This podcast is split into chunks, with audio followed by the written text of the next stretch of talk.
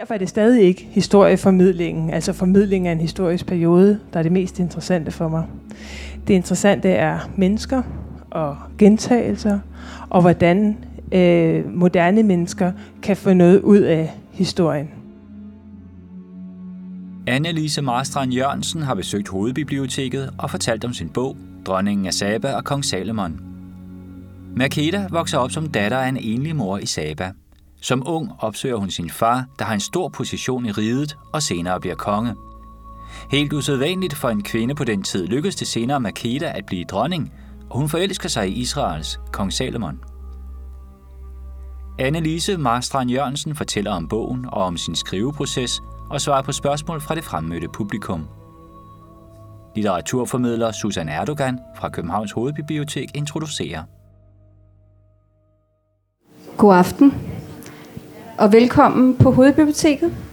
Mit navn er Susan Erdogan, og jeg er jeres vært denne aften, hvor vi rejser 3.000 år tilbage i tiden for at genopdage øh, et gammelt savn om kong Salomon og dronningen af Saba.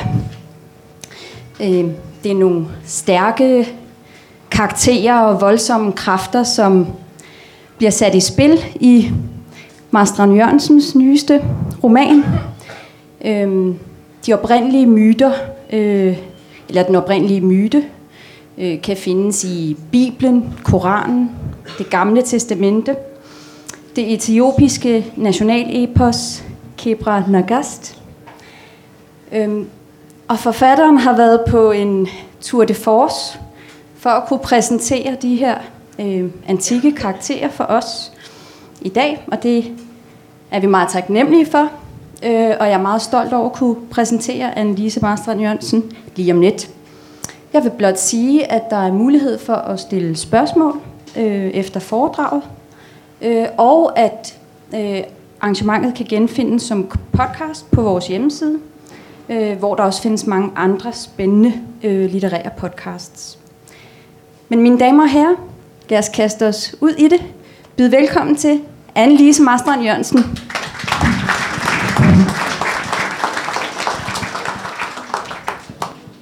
Jeg skal bare se, om jeg kan se uret. Det kan jeg godt.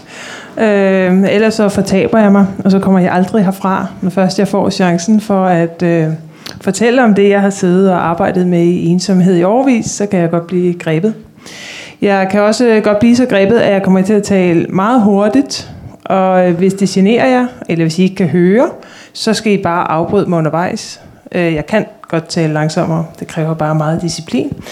Øh, men I skal i hvert fald ikke holde jer tilbage. Jeg taber ikke tråden, hvis jeg afbryder mig. I virkeligheden så er det øh, lidt mærkeligt, at jeg har skrevet endnu en historisk roman. Altså mærkeligt set med mine egne øjne. For dengang jeg debuterede som historisk romanforfatter, det var med mine Hildegard-bøger i 2009 og 2010. Og der kom det i den grad bag på mig, at jeg skulle skrive en historisk roman. Det gjorde det, fordi jeg først og fremmest, fordi jeg ikke havde nogen som helst historisk interesse. Jeg havde bestemt aldrig været en historienørd. Jeg havde sådan set været omgivet af folk, som interesserede sig for historie. Øh, nogle af de folk havde i al deres entusiasme måske kommet til at slukke for den historieinteresserede kontakt, uden at ville det. Jeg har for eksempel at havde en morfar, som jeg holdt rigtig, rigtig meget af, som var en rigtig patriark i en meget patriarkalsk familie. Han sad altid for bordenden, og han elskede historie, og han havde mange værker om historie, store historiske skikkelser og brevvekslinger og biografier. Og øhm, så kunne han finde på at spørge sådan henkastet, og man havde hørt om en eller anden historisk person. Og så galt det, i hvert fald da jeg var teenager, om at skynde sig at sige ja. For hvis man sagde nej, så udrullede det sig et foredrag af dimensioner, og det var altid om sådan nogle store, vigtige, hvide mænd, der godt kunne lide at gå i krig. Og det var også tit detaljerede øh, forklaringer af, hvordan de, de havde gjort det der med krigen og deres hære, og det var bestemt ikke noget, der vagte min interesse. Så, og den anden grund til, at det var mærkeligt øh, for mig at gå i gang med at skrive om Hildegard af Bingen, det var, at øh, jeg havde mange fordomme om historiske romaner, Fordomme, som selvfølgelig er blevet gjort til skamme, og som jeg har måttet æde undervejs. Men fordommene gik på, at historiske romaner, det var noget, man skrev, fordi man gerne ville af med sin egen store historiske viden. Og så ville man ligesom pakke den spiseligt ind og gøre det lidt kulørt. Og alt det der litterære, det betød ikke så meget. Det var, jeg ved ikke, hvor jeg havde den fordom fra. Ikke, de bøger findes, det ved I jo nok. Men det er bestemt ikke det, der kendetegner den gode historiske roman.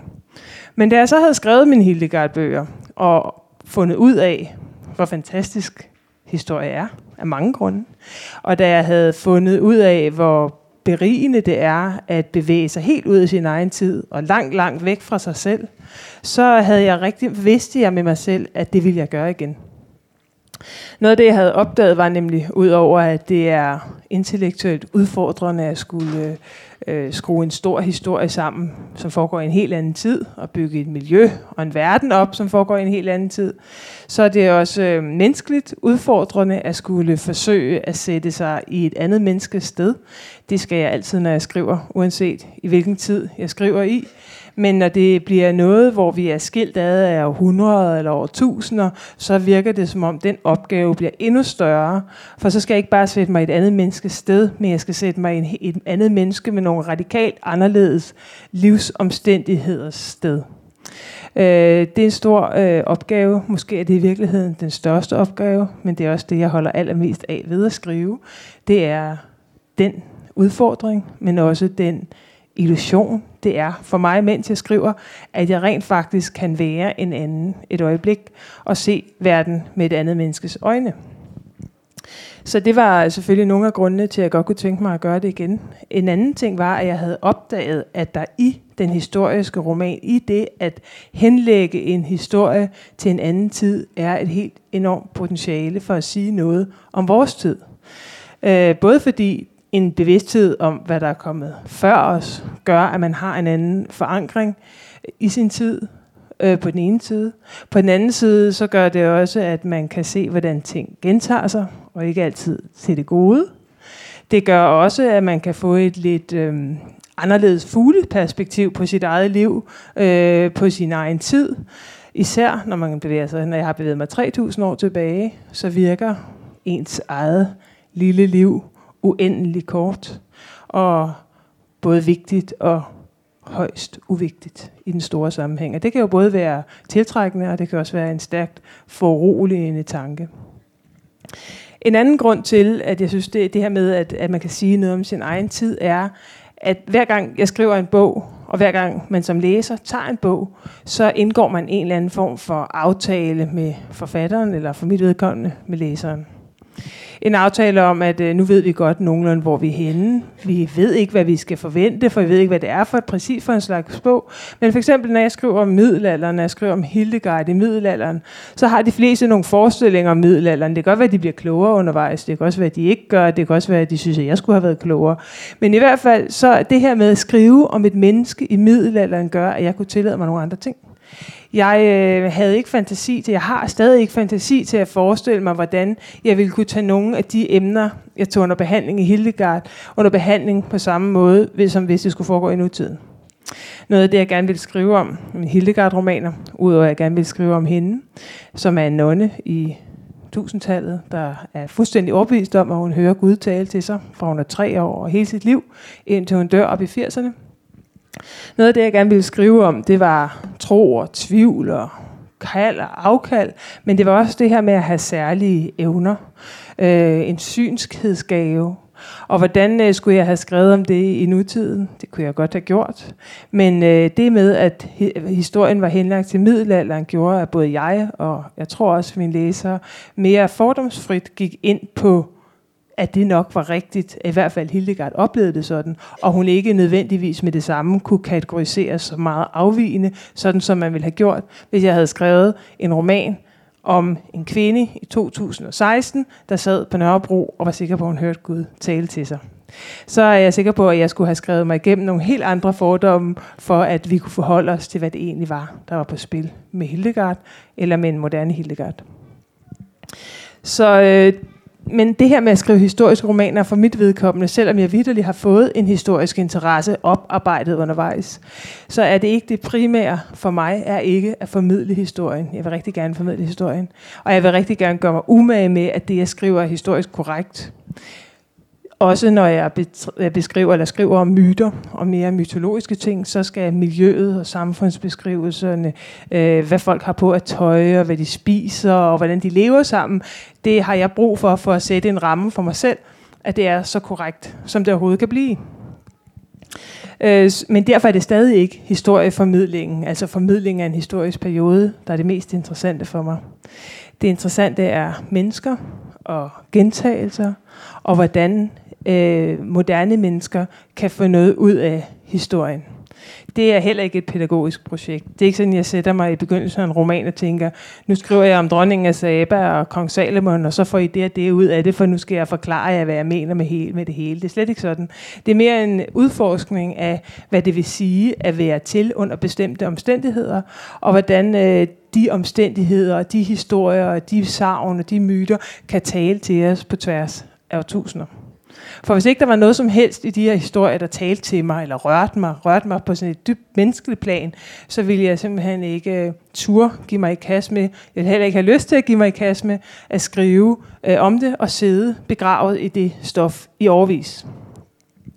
Og i virkeligheden kan man sige, når jeg går i gang med at skrive, så er det den første og største hurdle, det er, at jeg skal lægge mig fast på, hvad det er, jeg vil skrive om. For jeg ved godt, at, ja, at det forpligter. Jeg ved godt, at jeg kommer til at tilbringe usigelig meget tid i mit eget selskab, og usigelig meget tid i mine romanpersoners selskab. Så jeg skal helst være sikker på, at det er et venskab, der kan holde i mindst nogle år, og også længere, for jeg hænger jo på dem bagefter. Nu er de jo blevet til i, eller skrevet og er dermed til i verden. Øhm, så, så derfor så bruger jeg rigtig lang tid i begyndelsen på hele tiden at udfordre mig selv, altså stille spørgsmålstegn og lege djævelens advokat. Jeg har en lang periode, som er meget, meget anstrengende, som er fuld af anfægtelser. Øh, hvorfor laver jeg det? Hvorfor laver jeg ikke noget andet? Kunne jeg ikke bruge mine kræfter bedre? Skulle jeg ikke hellere? Skulle jeg vælge en anden historie? Øh, og det kører non-stop dag og nat, indtil jeg er fuldstændig udmattet. Og indtil jeg opdager, fordi midt i alt det her, så bliver jeg ved med at prøve at søge information og alt det her, indtil jeg opdager, at der ikke er nogen vej tilbage, og så kommer der en anden krise, for så føler jeg mig fanget, og tænker, åh oh, nej, så skal jeg skrive den her bog, og hvad nu det for noget? Men det er trods alt et bedre sted at være, fordi så er der lidt håb om, at der kun er én vej, og det er frem. Da jeg gik i gang, eller før jeg gik i gang med at researche til dronningen af Saba og kong Salomon, så vidste jeg, at jeg ville skrive en historisk roman. Jeg vidste også, at jeg gerne ville skrive en historisk roman, hvor jeg kunne få lov til at undersøge og udforske nogle ting, som interesserer mig i almindelighed. Jeg ville gerne øh, udforske og undersøge ting, der vedrører magt. Hvorfor er det så vigtigt for mennesker at have og ikke mindst rave til sig af magt? En ting er magten over mig selv, selvbestemmelse, egen viljen, øh, som kan være højst øh, graden af den kan være højst forskellig fra menneske til menneske, fra kultur til kultur og fra historisk periode til historisk periode. Men øh, en anden ting er den magt, som, andre, som mennesker gerne vil have over andre mennesker. Som de gerne vil have over lande, som de gerne vil have over territorier, som de gerne vil have over grænser, som man vogter med en nidkærhed, som om de var naturgivende eller gudgivende og den magt, man også gerne vil have over historien, og især den måde, historier bliver fortalt på, fordi når man fortæller historier, savn og myter, så fortæller man ikke kun gode historier, så fortæller man også i høj grad om sig selv, og sin kultur og sin kulturelle identitet. Og selv der er der en konstant og evindelig magtkamp. Det skal helst være sådan, at for mange mennesker, ikke alle, det skal helst være sådan, at man i sidste ende kommer ud som vinderen. Man skal have den bedste kultur, den bedste historie, de bedste grænser. Det hele skal være det bedste derfra, hvor man selv står. Det ville jeg rigtig gerne beskæftige mig med. Men jeg vidste ikke, hvilken historie jeg skulle vælge. Og så ringede min redaktør til mig, og jeg holder utrolig meget af min redaktør, både som redaktør og som menneske. Hun er en fantastisk læser, hun er et dejligt menneske, og hun er et klogt menneske, og jeg har mange gode samtaler med hende. Og hun ringede til mig og gjorde noget, som hun siger, at hun aldrig har gjort før. Jeg ved ikke, om hun kommer til at gøre det igen. Øh, men det hun gjorde, det var, at hun sagde, at hun havde fået en idé til, hvad jeg skulle skrive en bog om. Det plejer hun bestemt at holde sig for god til at blande sig i. Hun plejer at lytte og sige aha, indtil hun forstår, hvad det er for en idé, jeg har. Men øh, hun sagde, at hun havde fået en idé, og hun lød så entusiastisk og begejstret, så jeg skyndte mig at tage ind og øh, snakke med hende, og hun inviterede mig til frokost sammen med en af sine venner, øh, som altså faktisk var den, der havde sået frøet til den her idé. Og det var en idé, som handlede om en dansk middelalder kvinde, i personlighed, en stor personlighed i middelalderen i Danmark. Og det var de to blevet enige om, at det skulle der simpelthen skrives en bog om. De synes, det var mig, der skulle skrive den bog. Og eftersom jeg på det tidspunkt var øh, et sted, hvor jeg ikke rigtig vidste, hvad jeg skulle, udover at jeg kredsede om de her store emner, så tænkte jeg, jamen det kan da godt være. Jeg elsker at få gode idéer til, hvad jeg skal skrive.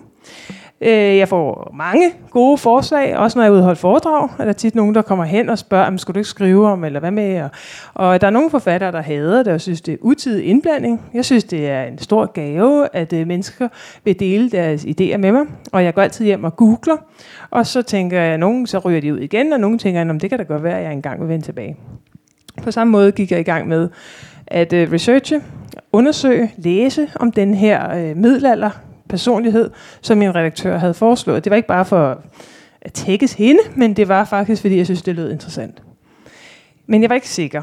Jeg havde det sådan, at når jeg læste om hende, så fik jeg mange billeder i mit hoved. Når jeg var ude at løbe en tur, fik jeg mange billeder i hovedet.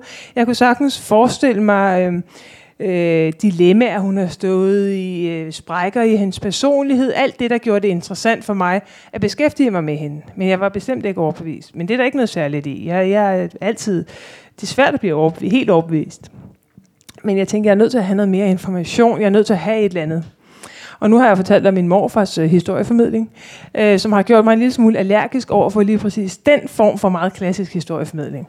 Så jeg tænkte, jeg må smide, øh, stikke en genvej. Og den genvej har jeg fundet ud af, for mit vedkommende går gennem øh, det visuelle.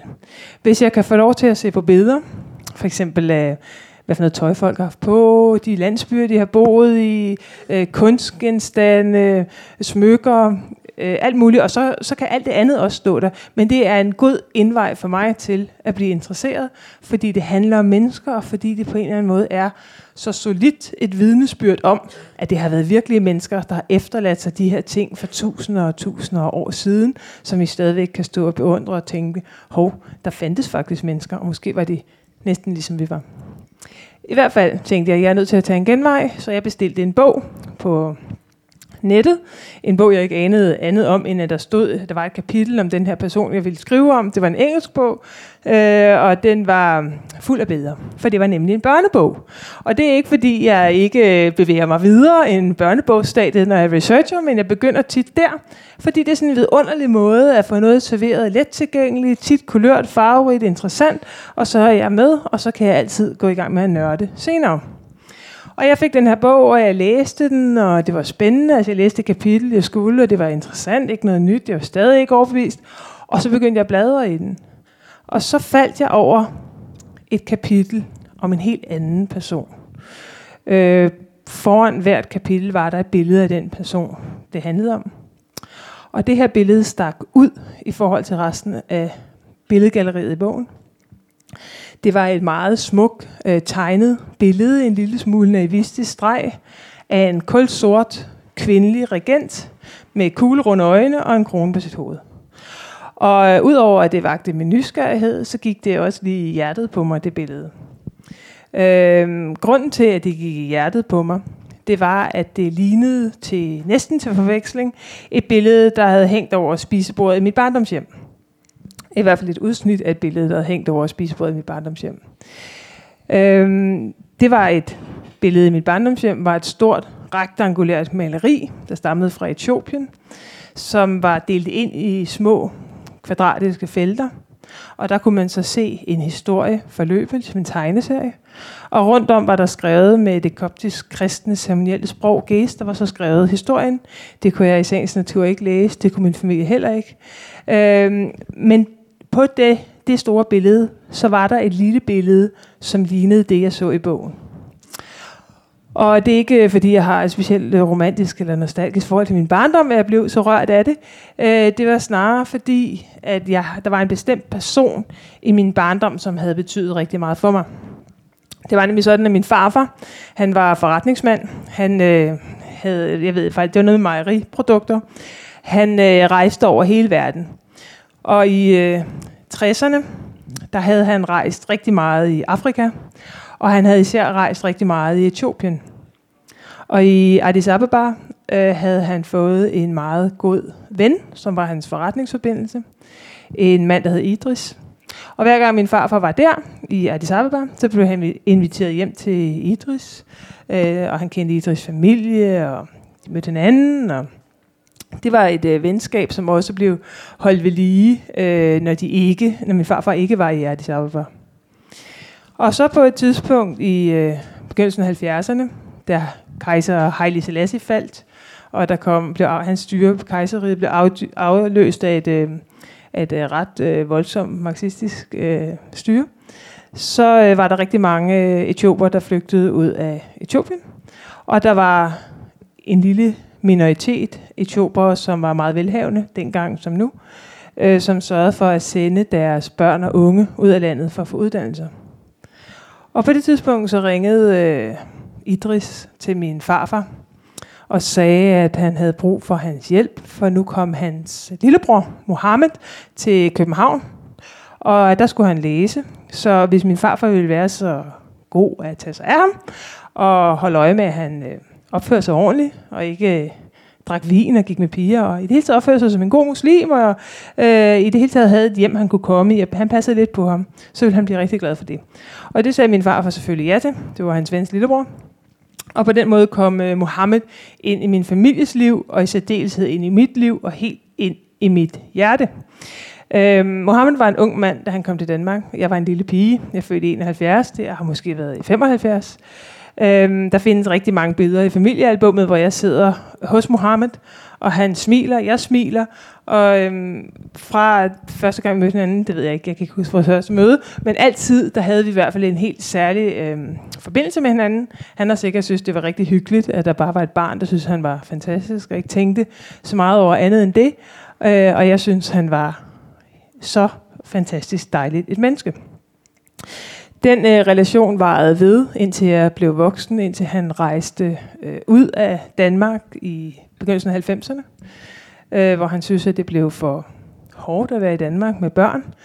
Øh, så rejste han til Kanada, og vi mistede kontakten. Hans familie kom med rigtig mange gaver til vores familie. Øh, Idris kom tit til Danmark og besøgte sin lillebror og havde altid gaver med. Og en af gaverne var så det her store maleri.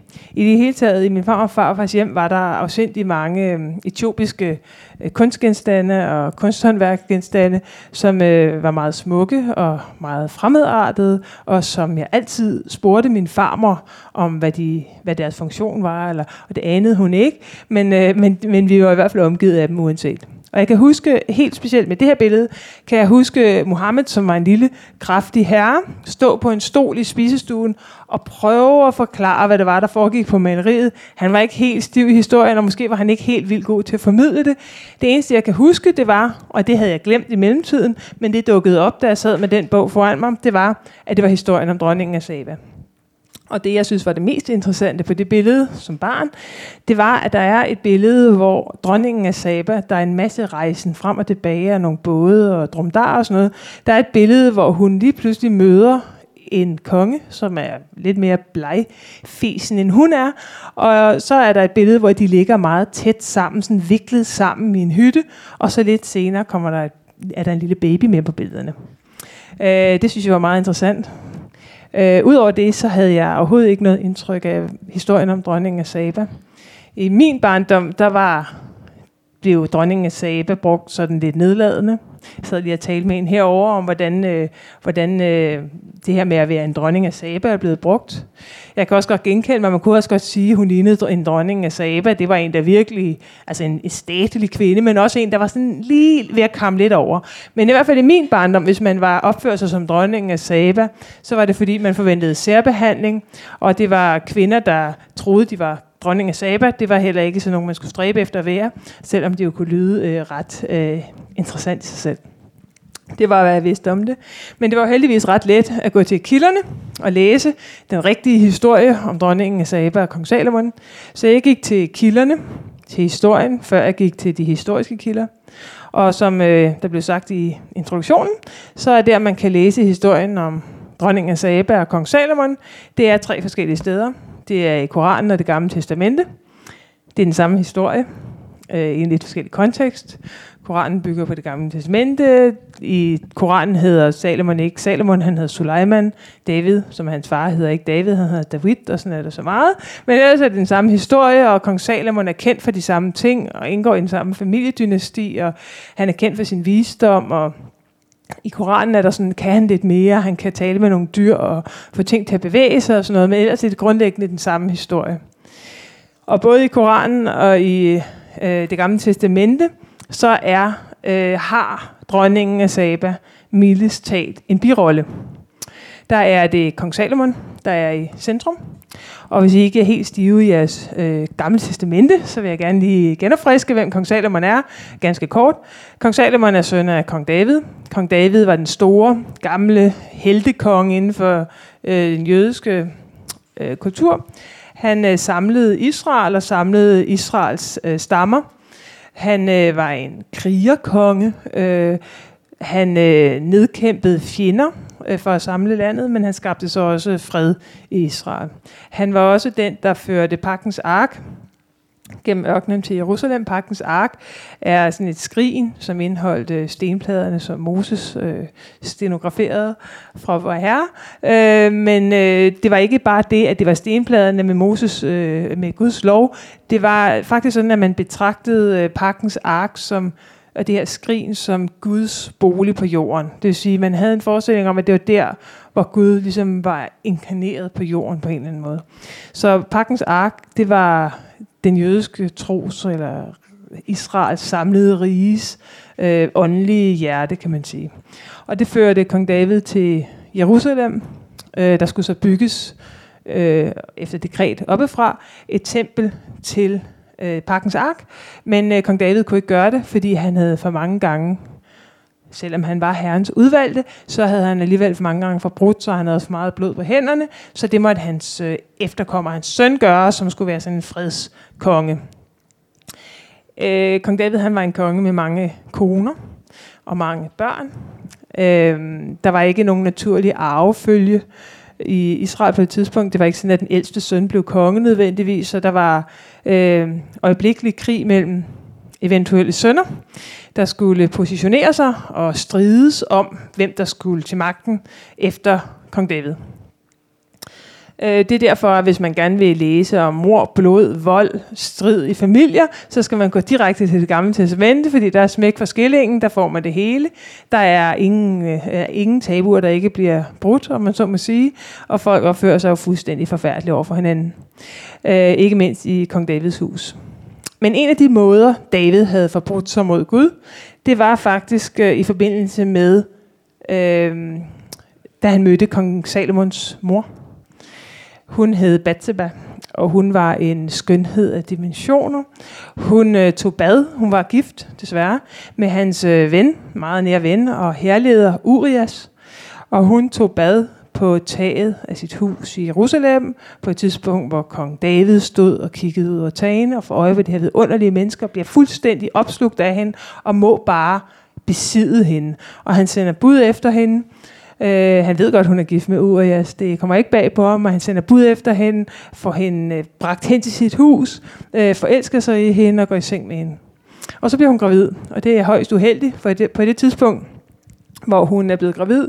Der kan hver regne ud, at Urias ikke har været hjemme. Han har været ude og sørge for, at herren fungerede.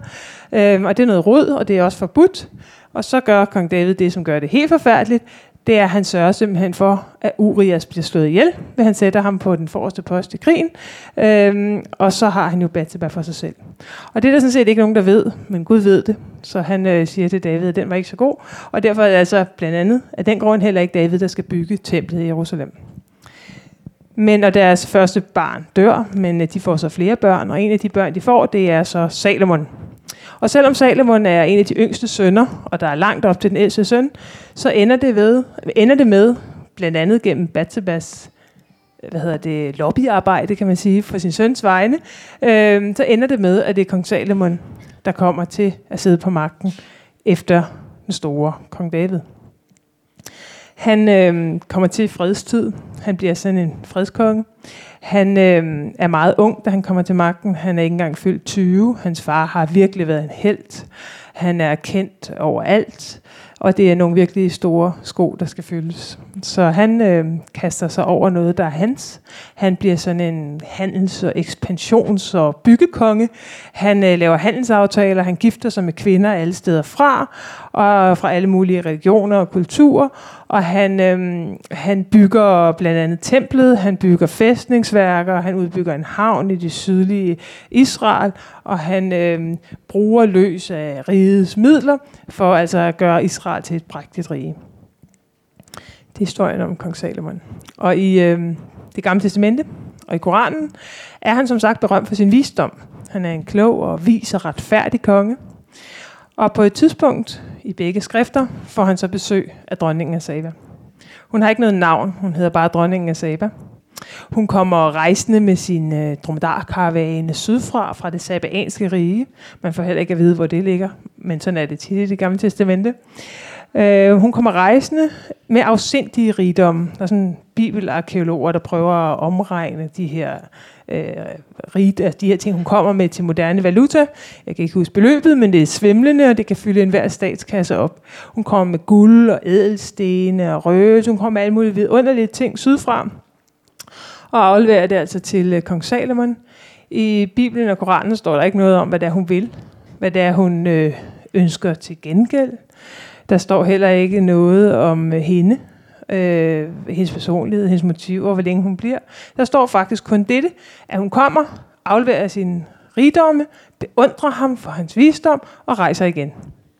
Det er jo, hvad man kan kalde en lidt tynd historie især hvis man øh, interesserer sig for dronning af Saba, så synes jeg faktisk også, det var en lidt dårlig historie, øh, hvis man ser det i lyset af sådan gammeltestamentlige og koranagtige spin. Altså nu skal vi alle sammen øh, være sikre på, at Guds udvalgte konge virkelig var Guds udvalgte konge, og derfor var så fantastisk, at det var indlysende naturligt for en kvinde fra et helt andet land at sætte livet på spil for at rejse øh, over i, i månedsvis for at aflevere sin rigdom og så rejse igen. Så kan man sige, det, det positionerer sig selvfølgelig ham som vigtig, men det er stadigvæk en utroværdig og rimelig tyndbenet historie.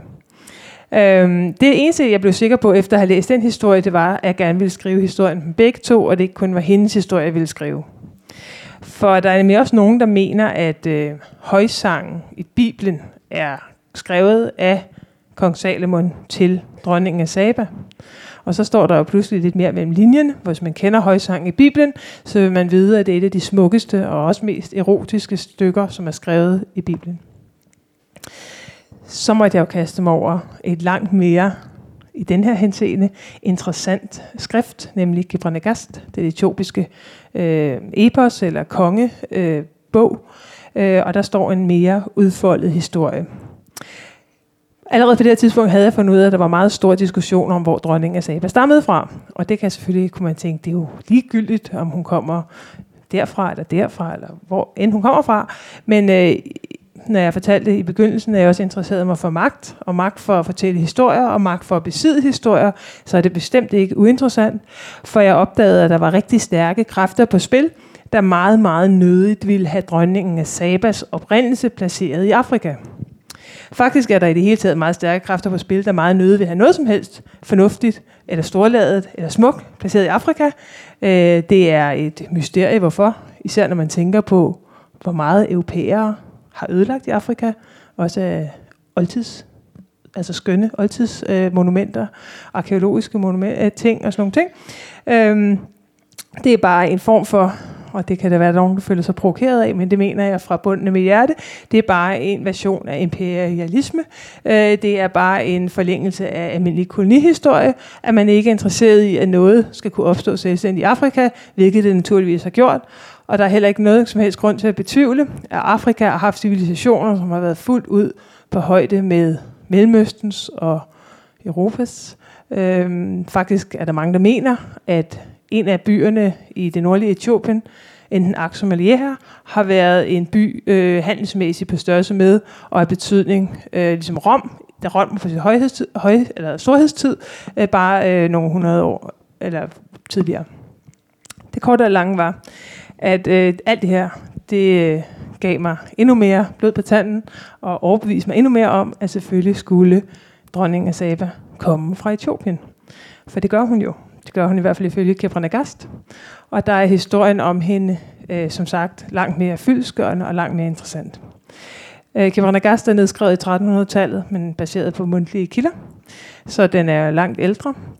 Øh, der er også andre senere middelalderlige historier om dronningen af Saba, som også udfolder historien lidt mere. Og ved at læse Kebranagast og Gamses Mente og Koranen og middelalderhistorier, så øh, lagde jeg mig fast på, hvad det var for en historie om de to, jeg ville fortælle. Og jeg lagde mig også øh, fast på, hvad det var for en invasion af øh, historien om deres møde, jeg gerne ville fortælle. For egentlig får man heller ikke Brenda Gaster særlig øh, stærkt indtryk af, hvorfor hun rejser, hvorfor det er, hun rejser afsted. Men man får øh, både det og i nogle middelalderhistorier et øh, lidt mere farverigt og menneskeligt indtryk af, hvad der er, der foregår, da hun er kommet til Jerusalem. Øh, det er sådan, hun kommer med de her afsindige rigdomme. Hun øh, beundrer kongen, han beundrer også hende. De udfordrer hinanden med gåder, for at se, hvem der er klogest. Eller måske for at finde ud af, at de er lige kloge. Og de forelsker sig hinanden. Øh, på et tidspunkt, så skal de på sådan en lille kærlighedstur ud til en vingård. Øh, Salomon har allerede på det tidspunkt en del hustruer, så de er jo under konstant overvågning, skal man forestille sig i hans harem. Kvinderne betragter dem, øh, tænker deres, øh, undrer sig måske over, hvad hun vil ham. Øh, og i hvert fald tager Salomon og dronning af Sabe, som i den etiopiske kongebog faktisk har fået et navn, hun hedder Makeda eller Makeda. De tager så ud på landet til hans vingård for at tilbringe nogle dage sammen. Og så siger hun til ham, at hun, han skal love hende en ting. Han skal love hende, at han under ingen omstændigheder vil prøve at komme i seng med hende. Det vil hun ikke have. Hun er ikke interesseret i at blive gift med ham, og hun er ikke interesseret i at blive gravid. Hun har andre forpligtelser i sit eget rige i Etiopien, øh, så hun er slet ikke interesseret i det. Og han, øh, det synes han nok er lidt ærgerligt, men øh, han indvilliger i at have lovet det, men så skal hun til gengæld også love ham noget. Og det hun skal love ham, det er, at hun ikke vil tage noget, der tilhører ham. Det er et latterligt ønske. Hun er kommet og har fyldt hans statskasse op på det tidspunkt med afsindig rigdom. Hun har gjort, at han kan fortsætte sin byggemani, og han kan genvinde sine anseelser og alle de her ting. Og nu står han der og han er jo et meget yngre end hende, han er måske 12-15 år yngre end hende. Nu står han der og siger, at hun ikke må tage noget, der tilhører ham, som om hun var en eller anden simpel tyv. Uh, hun synes, det er lidt komisk, lidt latterligt måske, og hun har i hvert fald ikke særlig svært ved at indgå uh, den aftale. Selvfølgelig vil hun ikke tage noget, der tilhører ham. Men så sker der jo det, at de kommer derud til vingården, og han sætter kokken til at lave dejlig mad til dem, som de spiser sammen i øh, den lune nat. Øh, det er meget stærk og meget krydret og meget salt mad. Han har virkelig bedt kokken om at skrue op for krydderierne den aften. Og så, øh, da de har spist og drukket, så går de i seng i hver deres soveværelse. Og øhm, så vågner Marker der midt om natten og er afsindig tørstig. Øh, den her mad har virkelig, øh, den kræver virkelig noget, så hun øh, begynder at gå rundt og lede efter vand men hun kan ikke finde noget. Der er en sten på brønden, og der er, er alt hele huset er som øh, støvsuget for vand. Der er kun et sted i huset, hun finder en vandkande og et bære, og det er ved siden af kong Salomons seng. Så hun går ind og skænker et glas og begynder at drikke, og så vågner han, tager fat om håndledet på hende og siger, nu har du brudt løftet, du har taget noget tilhørt mig, og så kan vi jo alle sammen regne ud, hvad konsekvensen af det er. Og det er ikke på noget sted beskrevet som en voldtægt eller et overgreb, det var bare, nå okay, jamen så, så overgiver jeg mig til det. Og i hvert fald går de i seng med hinanden, og øh, hun opdager kort tid efter, og det kan jeg godt fortælle jer uden at ødelægge historien, hun opdager kort tid efter, at hun er gravid. Det får hende ikke til at blive hos ham. Hun rejser, hun rejser hjemad. I øh, min historie har jeg på det, den her historie, den her version af historien, havde jeg lagt mig fast på, at det var den, jeg ville fortælle. Men jeg havde stadig ikke fået svar på, hvorfor hun skulle til Israel. Så jeg øh, havde konstrueret en, eller har konstrueret en historie, som jeg ikke vil fortælle jer, fordi så den var I læse i bogen. Men jeg kan sige, at det er noget af det, hun er på jagt efter. En af grundene til, at hun ender med at tage til Jerusalem, det er, fordi hun vil lave en handelsaftale med israelerne. Hun øh, tilhører nemlig, som sagt, det sabianske rige, og den version af det sabianske rige, jeg har valgt, er den størst mulige. Det er, øh, hvor det sabianske rige går helt over fra Etiopien hen over Afrikas horn, altså Etiopien, Eritrea, Djibouti, og hele vejen over Yemen, helt over til kongebyen øh, Marib, hvor magten altså er koncentreret på det her tidspunkt i det sabianske riges historie. Og der er hendes far konge, og hun har besluttet sig for, at hun vil lave en handelsaftale med den her nye, unge israelske konge, fordi han altså bygger og bygger og bygger, og også er begyndt at udbygge havnen i det sydlige Israel, øh, og det giver dem mistanke om, en begrundet mistanke om, at det han har tænkt sig, det er at begynde at sende skibe rundt om Yemen, øh, lette skibe, hurtige skibe, der kan opkøbe råvarer, i stedet for at de skal igennem kongebyen Marib og forarbejde, så de kan videresælge, og det vil selvfølgelig betyde, at de mister en hel masse penge en stor indtægt. Så derfor har hun taget det op for at lave en handelsaftale, og grunden til, at det er hende, det er, fordi hun er en meget øh, ah, handlekraftig kvinde, og grunden til, at hendes far har givet hende lov, det er fordi, altså i min version, at han håber, at han kan komme af med hende. Han håber, at øh, det, der er hendes plan, det er at lave en handelsaftale, men også at indgå ægteskab med kong Salomon, fordi han er kommet til, han er kommet i en situation, hvor han i den grad skylder hende en tjeneste, fordi det faktisk er hende, der har hjulpet ham til magten som konge. Så han skylder hende en tjeneste, og den tjeneste beder hun ham om, skal udmynde sig i, at hun får en plads i kongens råd, altså i magtens centrum. Hun er simpelthen med til at bestemme, og det er ikke noget, øh, kvinder gør i den del af riget. Og folk lærer lidt af ham og synes, det er lidt komisk, og det generer ham, og han prøver faktisk, han synes, hun egentlig faktisk er dygtig, men det vil være rigtig, rigtig rart og bekvemt for ham, hvis hun vil tage op og gifte sig med kong Salomon, og de kunne få en allieret, og de kunne ligesom få en handelsaftale, og alt ville falde på plads, og han ville komme ud af den der knibe med at have en kvinde siddende i sit råd. Det går ikke sådan. Men hun rejser altså tilbage. Men nu er hun gravid, og det her det er så også igen min version af historien. Hun kommer fra et øh, fra Marib i Yemen, det nuværende Yemen. Øh, hun skal egentlig tilbage. Hun har nemlig ikke lyst til at blive øh, hos kong Salomon. Hendes ambition, og det der er hendes drivkraft i alt det her, er egentlig ikke bare at lave handelsaftaler for sin fars rige. Det er at øh, sørge for, at noget af magten bliver placeret i den etiopiske del af riget, og at der bliver, at man, at han sørger for, at, at der også at der kommer en stærk administration der, der kan sørge for fred i den del af riget, hvor hun selv er vokset op. Øhm, så hun vil ikke blive i Jerusalem. Hun har ikke noget at gøre der. Hendes drøm, hendes ambition, alt det hun vil, hendes land, hendes kærlighed til hendes eget land, er et helt andet sted. Hun overvejer, hvad hun skal stille op med det barn, hun har i maven. Hun øh, tænker selvfølgelig på det med at gifte sig, det er udelukket. Hun overvejer, om hun skal efterlade barnet i Salomons harem og håbe, at de andre kvinder vil passe nogenlunde på det.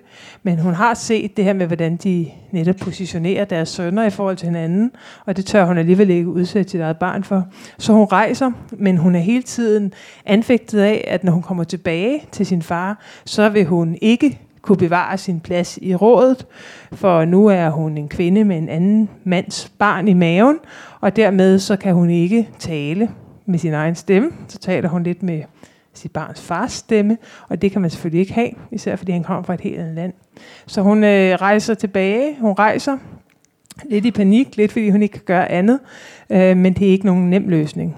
Og det her er igen min version af historien. Der kommer hun så på et tidspunkt øh, til en oaseby, hvor hun møder en handelsmand, der fortæller, at den guvernør, der har været udposteret, eller, hvad det, posteret i Etiopien, han er døende, øhm, og så skifter hun kurs.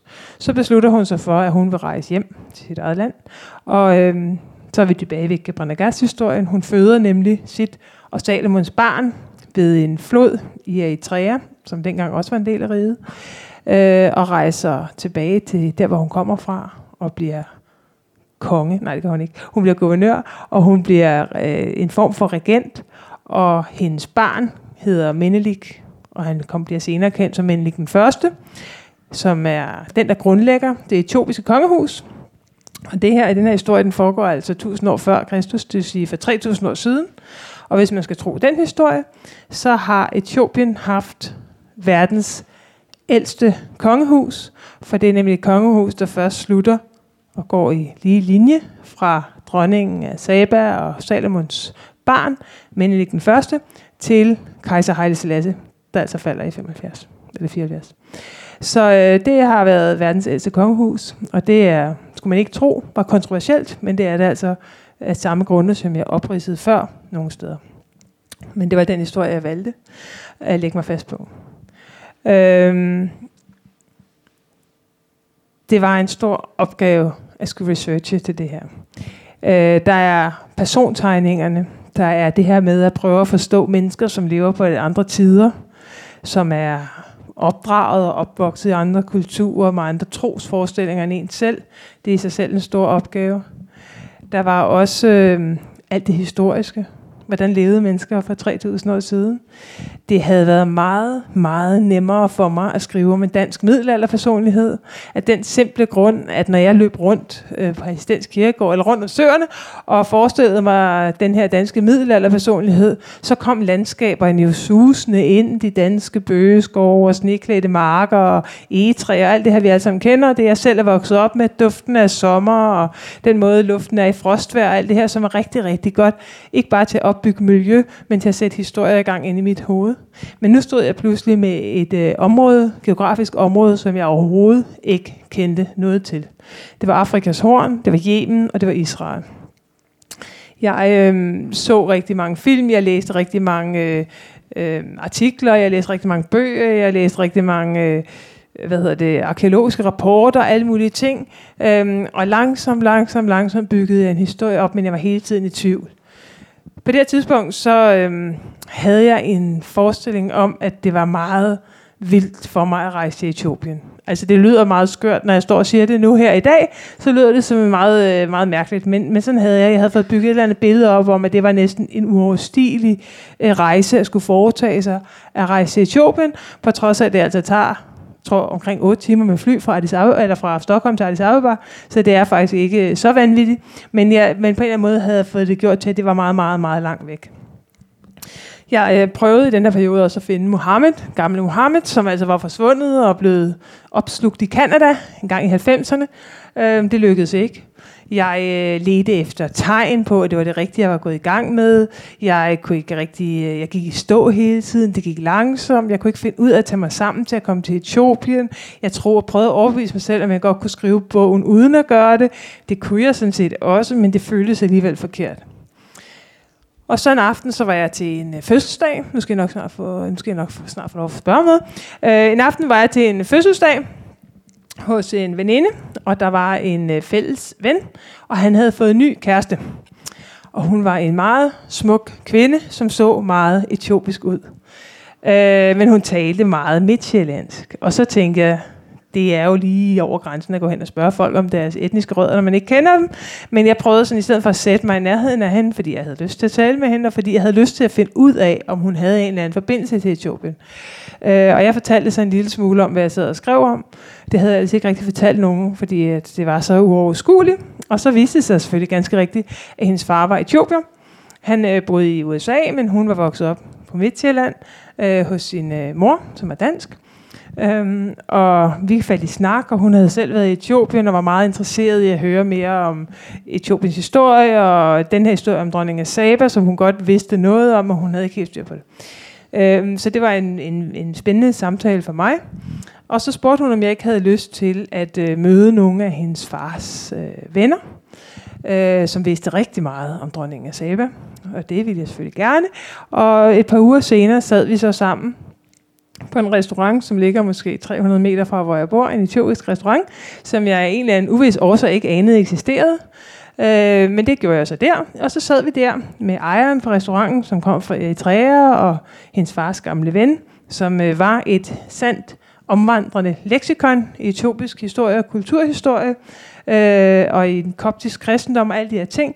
Han vidste faktisk alt. Øh, og det gjorde, og det han ikke vidste, det vidste ejerne af restauranten. Og de var meget, stillet meget generøst deres viden til rådighed, og jeg kunne få lov at komme af med alle mine mere eller mindre dumme spørgsmål. Men det, der var næsten det allervildeste ved det møde, det var, at jeg fortalte ham, Tadese, hendes fars ven, jeg fortalte ham den her historie om Mohammed og maleriet og alt det, jeg lige har fortalt jer.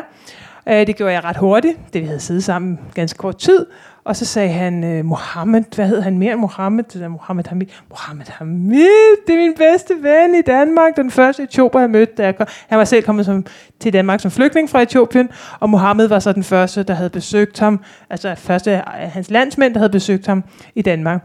Og de havde holdt så mange gode fester sammen, fortalte han mig, og, øhm, og, og på den måde så blev ringen sluttet for mig, og jeg fik nærmest gåsehud og synes, det var helt vildt, for nu havde jeg altså prøvet på egen hånd at finde Mohammed i overvis. Men derudover så viste sig, at Tadesses bror havde et hotel i Addis Ababa, og lige pludselig i løbet af den øh, aften og samtale, så virkede det overhovedet ikke spor mærkeligt at tage til Etiopien, som jeg jo heller ikke ved den dag i dag, hvorfor jeg synes, det var så øh, fjernt. Øh, der virkede det faktisk som det mest indlysende at gøre, nærmest som at tage til Skagen.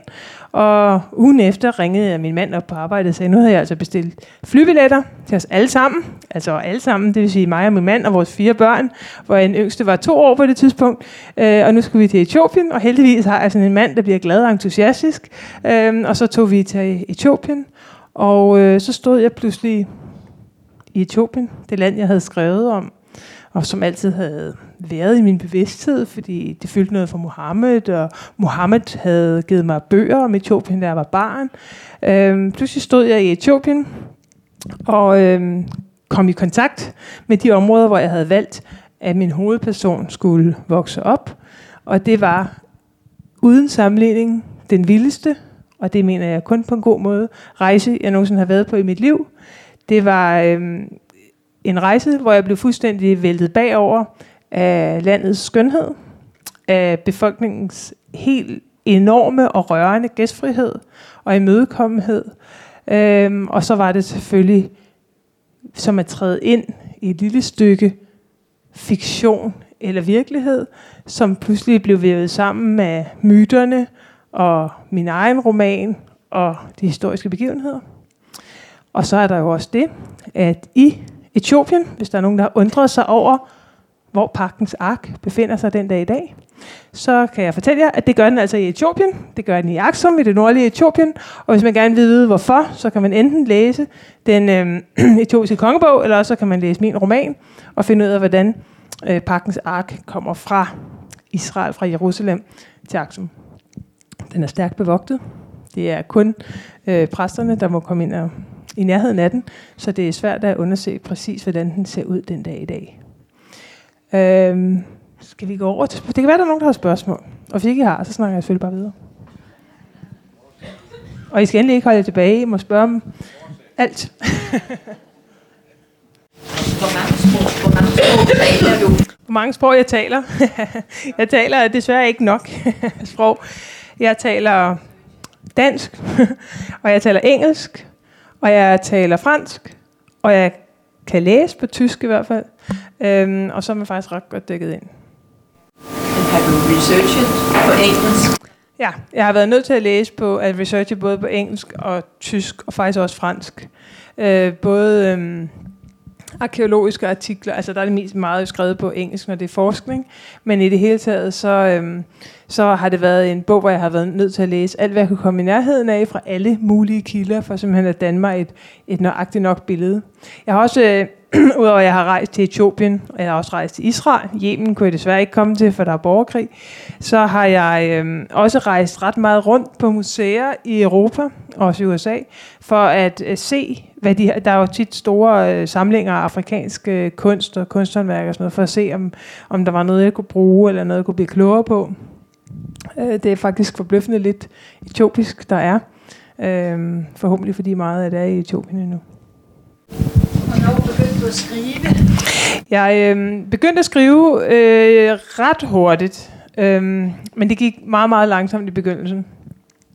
Der er alt det her med at lægge sig fast på historien og opdage, at nu er Jeg kommet så langt ind i den her historie, at jeg ikke kan vende om. Hvor jeg gerne jeg end ville, så er der faktisk ikke noget andet i verden, jeg simpelthen kan finde ud af at skrive lige nu, end den her historie. Det er sådan en, en milepæl.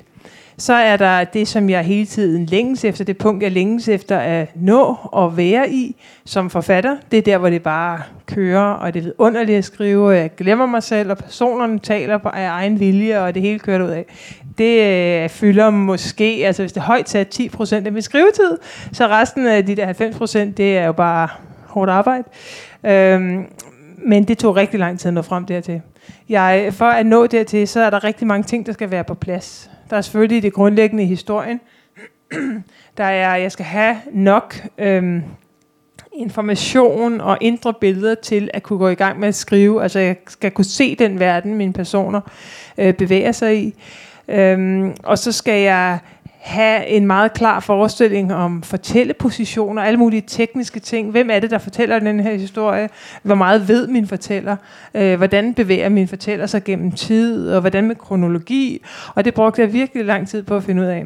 Også fordi det skulle være en dobbelthistorie. Så, jeg, så researchen var i virkeligheden bare fordoblet, kan man sige. Jeg var nødt til at læse på Etiopien, jeg var nødt til at læse om øh, Israel, og så selvfølgelig også Yemen. Øhm, så lavede, gjorde jeg det, fordi jeg, jeg prøvede, øh, jeg vil altid gerne blive bedre til at skrive hver gang jeg skriver en bog, tænker jeg, at nu skal jeg blive lidt bedre til at skrive. Og så er det ikke sikkert, at det lykkes, men det er min ambition. Øh, og så prøver jeg at tænke over, hvad min egen svaghed som forfatter er. Og den, min, en af mine store svagheder, som også er en styrke, det er, at jeg i virkeligheden synes, at alle historier er meget interessante. Det vil sige, hvis jeg har en hovedperson, der har en kokkepige, så har jeg egentlig også lyst til at fortælle kokkepigens historie, og kokkepigens datter, og hvad vi nu ellers er. Og så kan det pludselig blive, for eksempel som Hildegard, som jeg havde tænkt skulle være en bog, så bliver det til to. Eller også de bøger, der kom efter Hildegard, bliver også til to. Og den her gang tænker jeg, det skal simpelthen være løgn. Jeg skal skrive én roman. Og derfor så lavede jeg en plan ret tidligt. Jeg lavede sådan en... Øhm, meget overordnet vy ud over, hvad historien skulle indeholde, altså hvor jeg skulle bevæge mig fra og til, men også en opdeling i kapitler, så jeg vidste, hvor langt hver kapitel skulle være, og jeg vidste nogenlunde, hvad der skulle ske i hver kapitel, men altså meget overordnet. Øhm, og så gik jeg i gang med at skrive. Og så reviderede jeg selvfølgelig planen tusind gange undervejs. Øh, men hvis ikke jeg kan komme i gang med at skrive, altså det at gå i gang med at skrive, er i virkeligheden den bedste prøve på, om det virkelig er rigtigt, det jeg er i gang med. Fordi hvis ikke det kaster ord af sig, eller billeder af sig, eller øh, en tone af sig, som øh, på en eller anden måde øh, driver mig med, så er det forkert. Så skal jeg lave noget andet. Øhm, fordi det er jo netop ikke bare for at samle viden til egen glæde, men det er jo for at på en eller anden måde producere noget i den anden ende. Så ret tidligt, og det gør jeg også, da jeg skrev Hildegard, selvom der er enorm research, enorm researcharbejde, så skal jeg ret tidligt gå i gang med at skrive.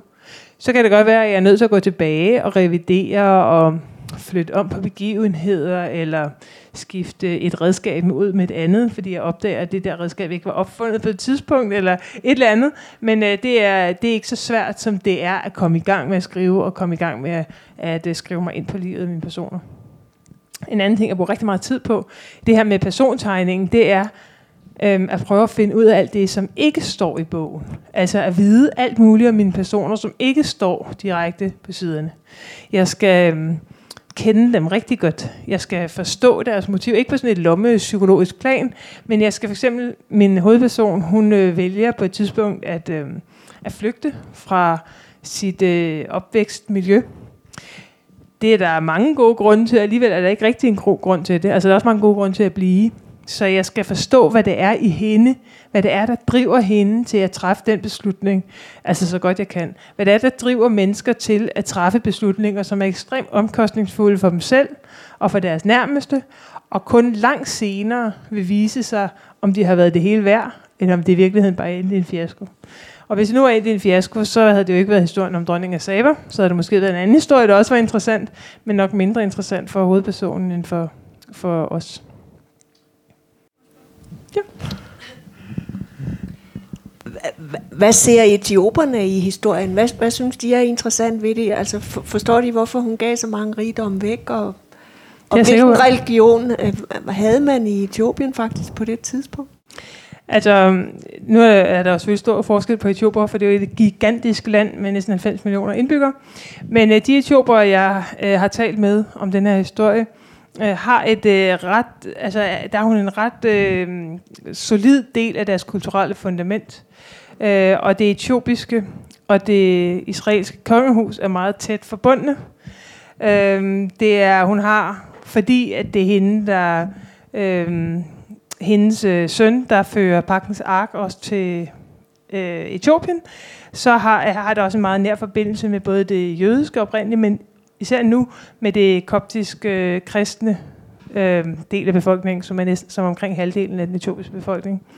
Øh, alle de koptisk kristne kirker har en konstruktion, hvor der er et øh, inderste, der er det allerhelligste sted, hvor der står en kopi af pakkens ark, og, så er der sådan, og der må kun præsterne komme, og så er der det sted, hvor gudstjenesten foregår, og så er der en kreds udenom, hvor man også skal mødes som menighed.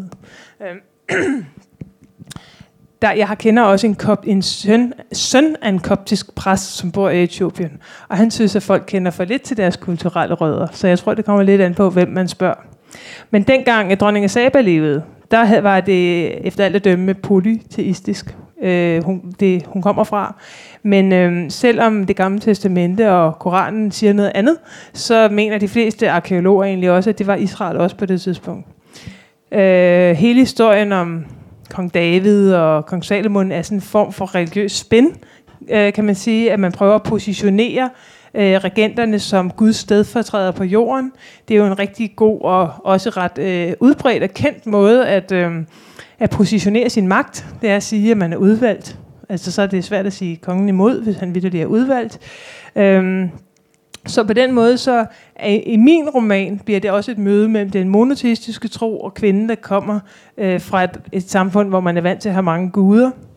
Øhm, jeg ved ikke, kan ikke svare entydigt på, hvad det gør ved folk, at øh, have en forestillingsverden, hvor de har mange guder, sat i forhold til en forestillingsverden, hvor man kun har en, som til gengæld har loven i sin hånd, og ved, hvad der er det rigtige og det forkerte. Øh, men jeg synes, det var interessant at undersøge i min bog, og jeg forestiller mig, at, at man måske har lettere ved at acceptere andres guder. Jeg ved det ikke, hvis man øh, har en idé om, der godt kan være mere end en. Øh, men i hvert fald, dengang, i dronning Asabas tid, og egentlig også i kong Salomons tid, så har det været politistisk. Men den anden side af det er, at i Etiopien, Etiopien er jo et særligt land på rigtig mange måder, og en af de måder, det er et særligt land på, det er, at der aldrig har været en koloni, på samme måde som langt de fleste andre afrikanske lande. Det har været besat af Italien i en periode, omkring krigen, men det er en anden snak. Så det er også etioperne selv, der har ført øh, først jødedommen, senere kristendommen og sidenhen islam til Etiopien. Og det tror jeg, men uden jeg ved det, men jeg tror, at det er en del af forklaringen på, at der i Etiopien oplever man et samfund, som er nogenlunde 50-50 øh, kristne og muslimer, som vidt de lever fredeligt sammen. Øh, på en helt anden måde, end man ser mange andre steder i verden. Øhm, selvfølgelig er der, eller ikke selvfølgelig, men desværre, er der i nyere tid øh, mere radikaliserede kræfter på spil, øh, som kommer fra Saudi for eksempel. Så er nogen, der mener, det vil være en god idé at bygge en, en moské i Aksum, som er de koptisk kristnes hellige by. Det svarer lidt til at bygge en, øh, en kirke i Mekka eller sådan noget. Øhm, men det er heldigvis ikke blevet til noget, og de fleste etioper, jeg har talt med, synes, det er en rigtig skidt idé, og er meget øh, glade for den der øh, harmoniske samleven. Et, der, et, der jøder, som bor i Etiopien og, og tror på Bagnesaga? Der? der er en lille øh, jødisk samfund i Etiopien. De fleste jøder er, er rejst ud af Etiopien. Nogle er i Israel, en del er i Florida af en eller anden grund. Så, men der er et lille jødisk uh, samfund i det nordlige Etiopien. Ikke så mange tilbage. Så, som, ja, ja. ja. Men det er der mange, der gør. Det, det, hele den, jeg skal sige, grund, altså hele den koptisk kristne kirke med pakkens ark i Etiopien og sådan noget, har jo også en forestilling om, at der er noget rigtigt i den her historie.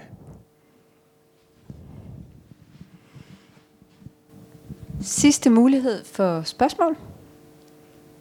Ellers vil jeg sige tusind tak til dig, Anis, for at du kom her i dag. Og tak til jer publikum. Og forhåbentlig på gensyn en anden god gang. Og god læselyst.